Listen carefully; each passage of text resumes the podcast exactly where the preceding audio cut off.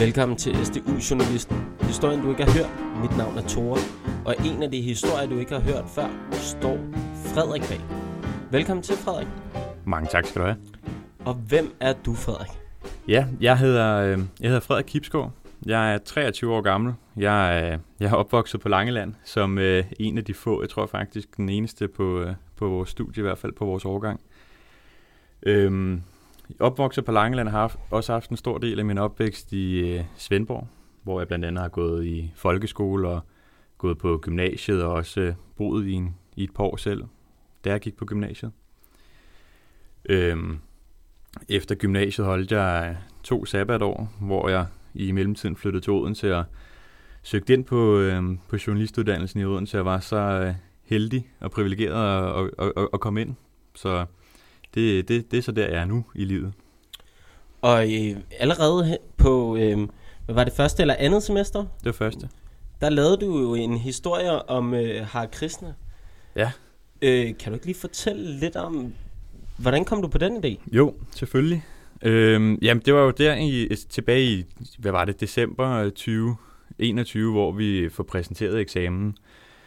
Øhm, eller i hvert fald skal tage i gang og begynder på, på idéudvikling, og vi alle sammen begynder at tænke på, hvad vi gerne vil lave. Og, øhm, jeg ved i hvert fald, jeg var selv rimelig presset, rimelig nervøs for, at jeg ikke kunne komme på nogen god idé. Ikke? Jeg forestiller mig, at der er mange andre, der har været i samme, øh, i samme båd. Øhm, men øh, relativt hurtigt, så, så kommer jeg egentlig øh, øh i, kommer egentlig på, at jeg gerne vil lave et eller andet om religion. På en eller anden måde. En eller anden art. Og jeg begynder egentlig først at tænke øh, på at lave en historie om en, øh, om en, der er en kristen, der er konverteret til islam, fordi jeg havde et par uger forinden var jeg faldet over den her pige på, øh, på Instagram, tror jeg det var, som, øh, som nemlig for nylig var konverteret fra, fra, fra kristendom til islam. Øhm, øh, problemet var bare, at jeg kunne ikke finde hende. altså, jeg kunne huske, at jeg havde set hende et par uger forinden på Facebook eller på Instagram. Øh, men jeg kunne, ikke, jeg, kunne ikke, jeg kunne ikke finde hendes profil igen, eller hendes side. Øh, så den, øh, den, den blev lidt nødt til at banke ned. Men så, øh, så var jeg så heldig, at jeg kom i tanke om en, øh, et forløb, vi havde tilbage i, øh, i gymnasiet i 3.G, hvor vi blandt andet var inde på Hare Krishna og forskellige religioner, og også forskellige øh, øh, grene af buddhismen, som man godt kan sige, Hare Krishna er. Øhm, så kom jeg i tanke om et besøg, vi havde inde i, i Hare Krishna-templet i Vandløse, hvor vi var inde og besøge Hare Krishna. Vi var inde og, og spise med dem og inde og, og, og danse med dem, øhm, og havde en, en, en tre timer sammen med dem derinde. Øhm, jeg kom i tanke om den oplevelse, jeg tænkte, at øh, jeg tror godt, jeg kan finde ham, som ligesom stod for vores ophold. Altså en af de munke, som præsenterede øh, religionen frem, og som viste os rundt derinde. Så øhm, øh, med en Google-søgning, så fandt jeg ham så faktisk, jeg fandt hans fulde navn på Google, fordi jeg vidste, at der tidligere havde været lavet nogle artikler om ham specifikt. Så det var ikke, det var ikke en stor udfordring at finde lige præcis ham. Og så fandt jeg ham på Facebook, øhm, og, øhm, og skrev til ham, og spurgte om... Øhm, og det var en, og det var en ung fyr på 26, er det ikke rigtigt? Nej, det er ikke ham. Det, var, det var ikke ham, jeg fulgte. Ham, som jeg snakker om nu, det er ligesom man, altså, man kan nok ikke kalde ham for overhovedet derinde, men det er nok ham, der har været der i længst tid. Øh, ej, det tror jeg heller ikke engang er rigtigt, men hvad kan man sige? Han er måske øh, frontfiguren for Harda Krishna inde i Vandløs, eller for, for Harda Krishna i Danmark generelt. Det er primært ham, som er i medierne, når de snakker om Harda Krishna. Øhm, han hedder Gaurav Nitai. Okay, ja, det, lyder, det, det lyder vildt. Han hedder Jakob, han er døbt Jakob, men, men han er ligesom skiftet til Gaurav Nitai senere hen. Det er noget, de alle sammen gør. Øhm, men øh, jeg fandt ham på Facebook, skrev til ham, spurgte om det kunne være muligt, at jeg kunne øh, følge dem med et kamera øhm, og, og lave den her reportage, øhm, som jo var eksamensopgaven. Han skriver så øh, til mig, at øh, det kunne da være mega fedt, øh, og at der faktisk er en ung fyr, som har været inde hos os, altså inde hos Harald Krishna i en, i en års tid. Og, øh, og jeg kunne jo så faktisk øh, prøve at følge ham, og øhm, det siger jeg så øh, ja til, selvfølgelig. Jamen lad mig, da, lad mig da følge ham. Anton hedder han. En øh, ung øh, 26-årig øh, fyr fra øh, København, fra ekspert, tror jeg, som øh, lige var konverteret for en års tid siden. Øhm, og det er så i det her tempel? Det er inde i templet, ja. Kan du lige prøve at forklare, hvordan ser sådan her Krishna-tempel ud? Ja, altså udefra, det, det ligger på en helt normal villavej i Vandløse. Udefra ligner det et helt normalt, øh, stort, flot hus. Øhm, forskellen er så bare, at når du kommer, først og fremmest når du kommer ind i huset, så øh, altså, ligner egentlig stadig et, et meget normalt hus, men de bor alligevel en, jeg tror ni mennesker derinde, øh, der var der i hvert fald. Det er det laveste, de har været på i, i lang tid, primært på grund af corona. Øh, men så om bagved har de sådan et stort øh, tempel, som, øh, som, som ligesom er centrum for hele Harder Krishna derinde. Ikke? Øh, det er der, hvor de, øh, hvor de beder. Det er der, hvor de kører deres mantra og øh, har alle mulige forskellige ceremonier. Jeg tror, de har to ceremonier om dagen. Det er der, de inviterer øh, skoleklasser ind, for eksempel. Øh, og holder alle mulige forskellige arrangementer. Øhm, inde, i, øh, inde i templet, der har de en, en øh, de har en, først og fremmest så har de sådan et, en scene, et podium, øh, jeg ved ikke helt, hvad man skal kalde det, men hvor der ligesom er en, der står og fører ceremonien, spiller noget musik, spiller noget trommer, og, øhm, og blæser nogle øh, ramser fra, fra deres hellige bog. Og så har de så en, øh, så, øh, det er noget, der faktisk er meget sjovt ved den kultur, de har sådan et træ, øh, hvad, er det, hvad de kalder den, den hellige basilikum, tror jeg det er, som er, altså, det er sådan et træ, som, som, som de tilbeder rigtig meget, som de blandt andet også under ceremonien danser rundt om. Og hvad er det? Sådan en lille træ en potte, eller? Ja, ja, mere eller mindre faktisk. Det, de har i templet i Vandløse, en det stueplante? Ja, ja på, ja, på størrelse med en stor stueplante, vil jeg sige. Det er et træ, øhm, men et meget lille træ.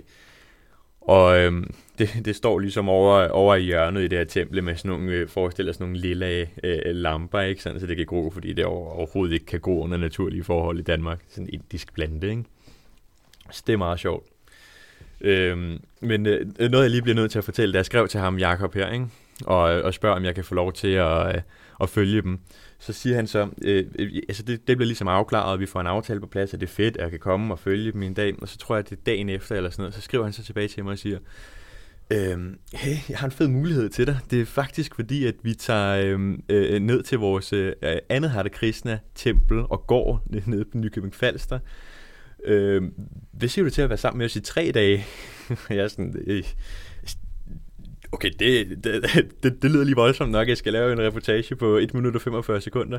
Men, øh, men ja, selvfølgelig. selvfølgelig vil jeg være sammen med jer i tre dage. Så der, der vidste jeg allerede godt, at jeg tog munden rimelig meget for fuld på det tidspunkt. Fordi det var, det var, det var, altså, var virkelig meget videomateriale, jeg kunne få ind på tre dage i forhold til, at det hele skulle klippes ned til 1 minut og 45 sekunder.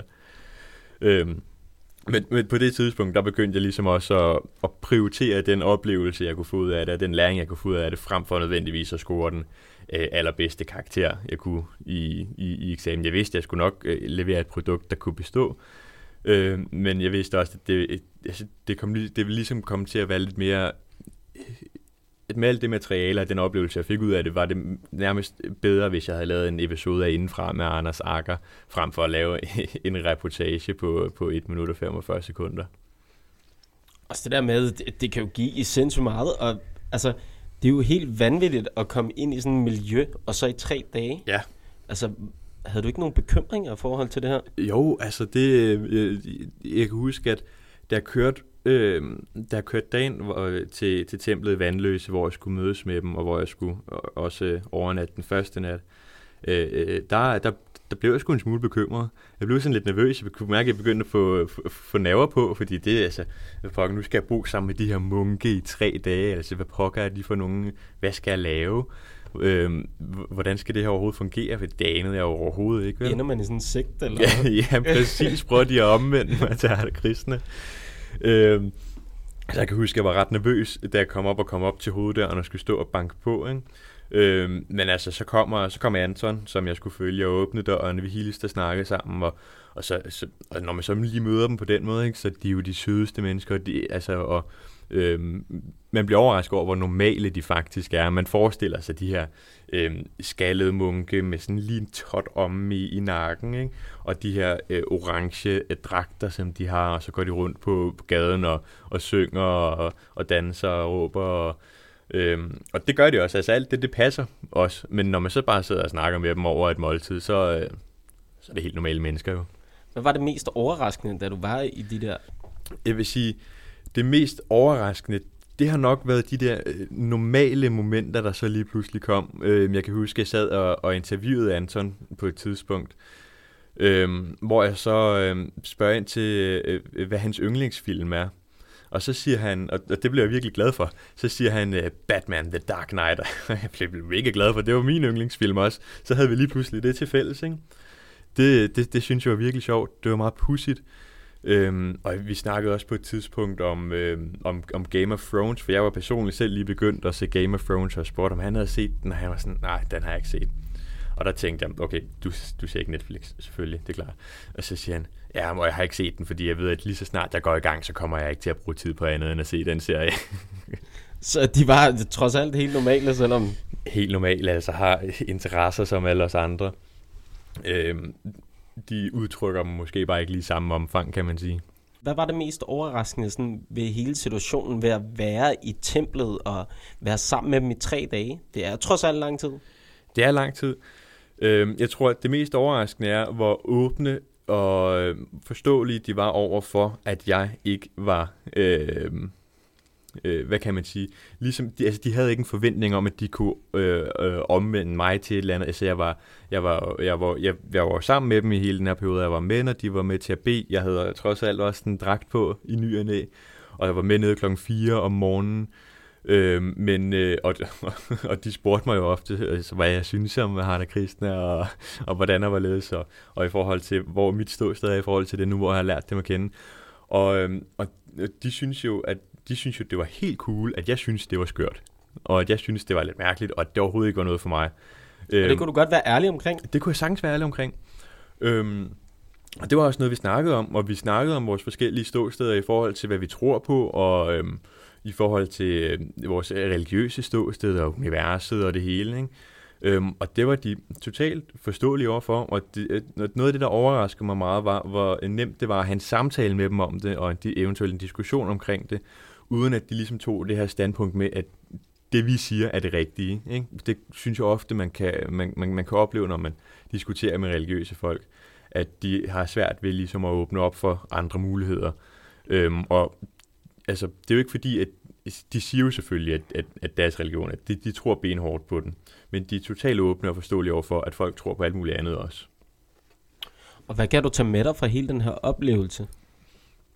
Jeg tror, det jeg, altså det jeg kan tage med mig fra hele den her oplevelse, øh, er, øh, hvor fedt jeg synes det er, det her med at komme ud steder, hvor man ikke normalt vil befinde sig og være sammen med folk, som man ikke normalt vil øh, befinde sig med.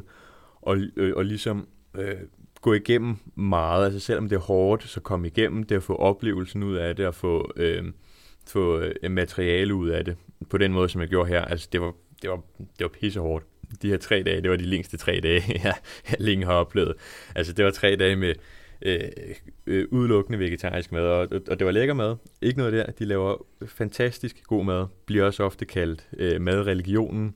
Men øh, jeg må jo indrømme, jeg savnede noget kød. det, det må jeg være ærlig omkring.